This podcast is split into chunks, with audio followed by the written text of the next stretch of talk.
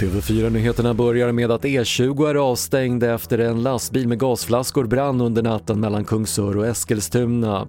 Vägen kommer att vara helt avstängd i ett dygn och därefter stängd mot Eskilstuna i ytterligare ett dygn. Räddningstjänsten säger att man nu håller ett säkerhetsavstånd på 300 meter till lastbilsläpet.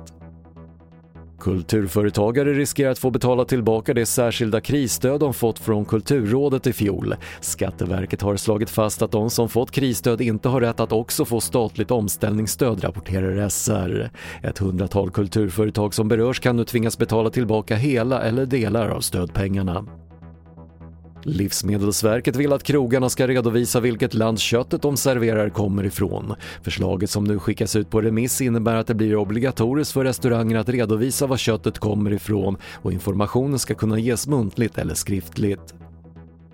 Omkring 130 000 bilar, eller 6% av bilarna i Sverige, klarar inte nya bensinen E10 skriver vi bilägare. 1 augusti ska de svenska bensinstationerna gå över från att sälja 95-oktanig bensin innehållande 5% etanol till E10-bensinen som innehåller 10% etanol. Det var det senaste från TV4 Nyheterna. Jag heter Patrik Lindström.